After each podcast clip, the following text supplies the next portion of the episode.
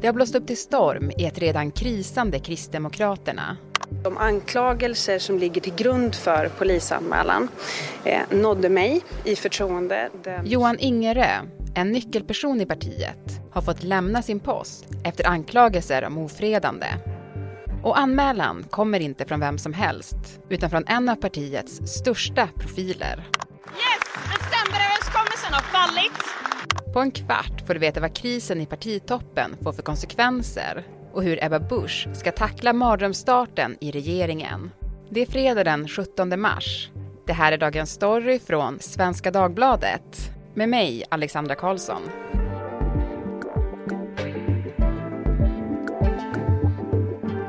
Henrik Torehammar, politisk kommentator här på Svenska Dagbladet. Du, du har haft fullt upp de senaste dagarna, eller hur? Ja, jag höll på att säga nästan kanske lika upptagen som Kristdemokraternas pressavdelning eller kommunikationsavdelning med att bevaka skandalen. Mm.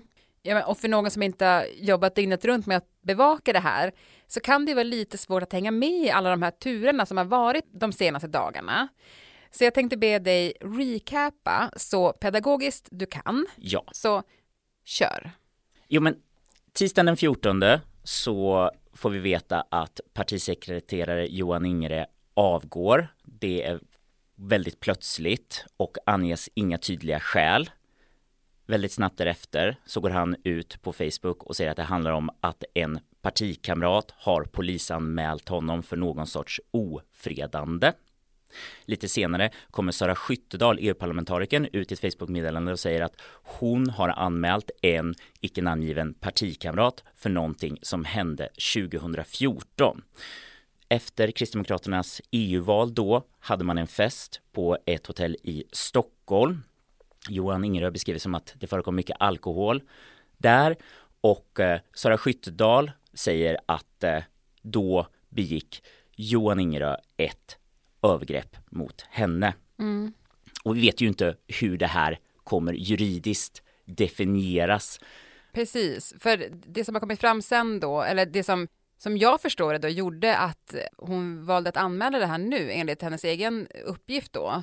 Det var en, en professionell konflikt dem emellan. Ja, för Sara Skyttedal och Johan Ingerö ska vi också förstå har ju setts som allierade i omgörningen utav Kristdemokraterna från lite det här Alf Svenssons pingstvänster, eh, nu ska vi vara snälla mot flyktingar och tänka på etik och moral och äldre till en lite mer amerikaniserad höger där också liksom Ebba Busch har ju varit en, en central del av omgörningen utav partiet. Sen har Sara Skyttedals politiska profil förändrats lite. Eh, till exempel den förra EU-parlamentarikern Lars Adaktusson, han hamnade ju ett stort problem med hur han hade röstat i abortfrågor i EU-parlamentet. Eh, Sara Skyttedal som ny parlamentsledamot eh, för Kristdemokraterna där, hon har pratat om hon själv har gjort en abort. Eh, så en annorlunda ton och också då hur hon i december 2022 säger att jag är för att legalisera cannabis. Jag drar en annan slutsats om vad en avkriminalisering skulle eh, medföra när det handlar om att få ner skadeverkningarna, att få ner dödligheten i narkotika. Och det här blev det en klar konflikt med partiet. För det tycker inte Kristdemokraterna är en bra idé. Mm, så hon körde liksom egen eh, show där? Ja, och det här är ju väldigt eh, vanligt i olika partier att eh, en företrädare kanske vill något eget och då säger partiet nej, det här tycker inte vi. Vi vill inte att du är ute och pratar om de här frågorna. Och hon sitter ju med i partistyrelsen och är ju liksom en central spelare i den kristdemokratiska ledningen. Och det som har framkommit enligt uppgifter är att det här når ett crescendo i januari när Sara Skyttedal ska vara med i SVTs program 30 minuter mm. och prata om det här och eh, partiledningen Johan Ingrö ska på något sätt då ha kommunicerat med Sara Skyttedal att det här ska de verkligen inte göra. Vi vet inte vad det är som har sagts, exakt vad det är som har hänt där, men någonstans där uppfattar Sara Skyttedal att nu går Johan Ingerö över en gräns och kopplar ihop det med det beteendet hon hävdar hände då för nio år sedan 2014. Mm. Och sen så startar en mellanperiod där det här enligt Ebba Busch, eh, man försöker hantera det internt genom olika processer som vi inte har fått veta i detalj vad det exakt är som har skett där. Men att det slutar med att 4 mars så väljer Sara Skyttedal att polisanmäla Johan Ingerö. Mm. Och sen då kommer vi till nu där då Johan Ingerö slutar. Mm. Skiljs från sin tjänst är det väl det han gör? Ja, som får sparken. Mm.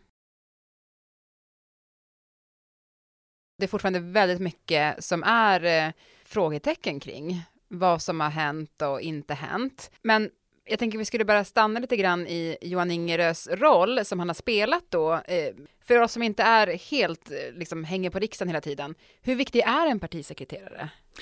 Det är ju, ibland beskrivs det som, som vdn för ett parti. Eh, det är någon som ska hantera det inre livet och ofta så behöver det vara en person som kan vara ganska hård, eh, som kan liksom hålla pli på eh, medlemmar, på partiföreträdare, se till att det finns en gemensam linje, men också kan gå in och lösa konflikter.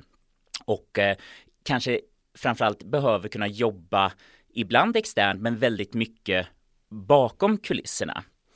Och det var väl det här som också sen framkom när Ebba Busch mötte journalister och hon skulle förklara varför har egentligen Johan Ingerö fått sparken eh, som det blev ännu mer lite förvirrande. Ja men precis, vi kan lyssna på vad hon sa.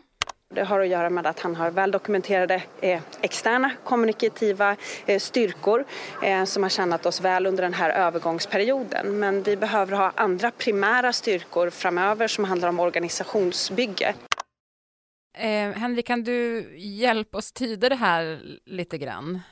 Det kändes ju som att plötsligt så kom de här nya skälen att han inte är tillräckligt duktig på att organisera internt arbete, att det liksom hade lagts till på något sätt när det kändes att det var så uppenbart att det handlade ju om den här polisanmälan. Och Ebba Busch sa ju att nej men polisanmälan i sig kanske förde fram frågetecken om hur väl han skulle kunna liksom utföra sitt arbete. Och samtidigt har man förstått i bakgrundssamtal att det har funnits kritik mot Johan Ingerös jobb, eh, hur han har agerat och kanske, nu, nu blir vi lite i det spekulativa här, det kan ju vara så att eh, Kristdemokraterna som, som arbetsgivare inte vill säga att så här, man får sparken om man polisanmäls för någonting. Och samtidigt så lyfter de fram goda sidor hos honom. Men att säga att nu så krävs det någonting annat. Det skulle liksom kunna motivera att så här, då behöver vi byta person. Och samtidigt att eh, hon som själv har varit indragen i juridiska problem. Nej men hon har ju erkänt att hon har begått ett brott och tagit ett strafföreläggande. Ja, och det gällde ju förtal. Så det finns ju så här det dubbla, dels kanske att hon har verkligen lyssnat på juristerna i organisationen. Vad ska du säga eller inte säga så att du liksom tar på något sätt ställning i skuldfrågan eller på något sätt öppnar upp så att partiet skulle hamna i en situation där de nästan får bråka med facket för att eh, på vilka grunder så gjorde ni er av med Johan Ingerö. Samtidigt så finns det ju det politiska att om det är så att man får sluta på grund av en anmälan, nej men då blir det väldigt lätt för motståndare eller bara vanliga journalister att ställa frågan, men blir det inte hyckleri? Du kan sitta kvar fastän du har erkänt att du har gjort någonting olagligt, medan han som det inte har avgjorts om han har gjort något olagligt eller inte får lämna. Det blir en dålig jämförelse. Mm. Så du, hur, hur svårt är det då för Ebba Busch att hantera det här? Det finns en frustration när en makthavare säger den lite magiska glosan personalärende, jag kan inte säga någonting. Men samtidigt, med tanke på den senaste tragiska händelsen med Mats Löving, kan jag tänka mig att det kanske finns en större förståelse att återhållsamhet i sådana här situationer är viktigt att ha med sig. Och att vara mitt i en skandal för ett parti som sakta sjunker mot 4 gränsen i vissa opinionsmätningar har varit under den så blir det ju ännu svårare då att föra fram det som partiet vill prata om, sina politiska frågor, när det plötsligt är en sån här skandal där nyckelspelare i partiet står emot varandra. Som du sa, det har inte gått så bra för Ebba Busch som minister. Eh, det har väl nästan varit lite av en mardrömsstart kanske man skulle kunna säga. Eh, Moa som är producent där, hon har sammanfattat lite hur det har låtit. Bensinpriset skulle sänkas med 5 kronor, dieselpriset med 9 kronor. Eh, så där blev det ju inte. Nej, Hur? det är korrekt. Men allvarligt talat, tror du inte att människor uppfattade det mer som att de skulle få hjälp med pengar på kontot före jul snarare än ett besked om ett högkostnadsskydd? Jag vet vad jag har tittat väljarna i ögonen och sagt. Vi har nog med politiker som skyller sina misstag på andra och som inte själv vill ta ansvar. Vi kan ta det efteråt, Magdalena Andersson. Kan du få berätta vad som var så roligt för allihopa? Vi går direkt in på veckans politiska ämne. Ja, det handlar ju om en falukorv som kanske har tagit för mycket plats i eh, valrörelsen. Så vi var ju redan i valrörelsen trötta på den där falukorven. Mm. Och det verkar ju även Kristdemokraternas egen valanalys också vara lite. Men, nej men det här, problemet var ju att det var en väldigt Ebba Busch-sak att göra, att förstå att nu handlar det om plånboksfrågor, jag viftar med en symbol. Det här är ingen liten prinskorv utan det här är en redig falukorv.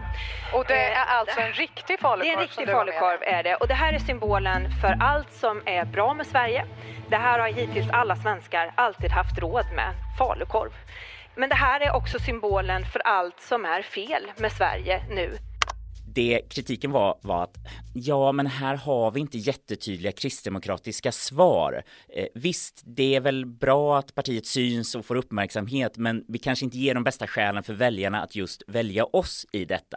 Och när det handlar om att hjälpa hushåll och företag i deras ekonomiska situation så har ju regeringen fått väldigt mycket kritik för hur de har skött detta. Mm. Ja men precis, och det har varit kritik mot brutna vallöften. Om man tar den här falukorven som en symbol då så kan man väl tänka att om, om hon använder den i valrörelsen, nu är ju falukorven ännu dyrare och det är dyrt för människor och, och, och så tänker man, men då ska du väl göra någonting om det i regering. Så det kanske slog tillbaka lite så också på henne. Ja, det är ju också symptomatiskt för Ebba Busch som har varit så duktig som oppositionspolitiker. Eh, hon har verkligen lyckats väcka någonting, ibland beskriver det som att hon är lite högerns Morgan Johansson. Eh, att det är, det är någonting med hennes persona och hennes politiska förslag som gör den andra sidan väldigt arga och kanske ger en känsla att nu vill vi ge igen. Nu kommer vi verkligen hålla dig mot det du sa innan eller var det bara populism som ofta är anklagelsen mot henne och eh, hennes frågor. Mm, precis, och det, det, det är så mycket skönare att vara politiker i opposition. Och det är ju det frågan, hur väl har de klarat av att vara en ansvarsfull minister? Hon har verkligen försökt sätta den bilden, men det är ju många som ifrågasätter hur bra det går. Mm. Men hur ska de ta sig upp igen då, Kristdemokraterna? Det, det finns ju kanske ett, ett enkelt svar att säga att så här, den här skandalen, Visst, det finns mycket som är oklart här och det kan leda tillbaks till, till fråga om vem visste vad när, om det blir en fråga att Ebba Busch måste erkänna sig. Jag gjorde ett misstag när jag anställde eh, Johan Ingerö eh, som partisekreterare. Men oftast brukar sådana här skandaler försvinna ganska snabbt och inte vara det som påverkar väljare och särskilt när det är väldigt långt fram till valet. Eh, det kan ju också finnas så att om ett parti känner sig väldigt attackerat utifrån, då sluter man sig samman och det här blir lite någon sorts low point som man sen reser sig från. Mm. Men den stora frågan det är ju, kan man leverera på det som väljarna ser som problem? Och där har ju Ebba Busch tagit på sig en väldigt stor hatt. Hon ska lösa Sveriges energikris. Mm. Inte ensam, men det här med att bygga kärnkraft tar väldigt lång tid. Mm. Jag menar hur det kommer gå för Ebba Busch och Kristdemokraterna, det återstår att se. Det gör det verkligen. Och då får du komma tillbaka och berätta det, Henrik. Det gör jag så gärna. Tack för att du var med i Dagens Story. Tack för att jag fick komma. Programmet idag producerades av Moa Larsson, redaktör var Erika Hallhagen och jag heter Alexandra Karlsson. Vill du kontakta oss så mejla till dagensstory.svd.se. Och klippen i programmet kom från SVT, Aftonbladet och Sveriges Radio.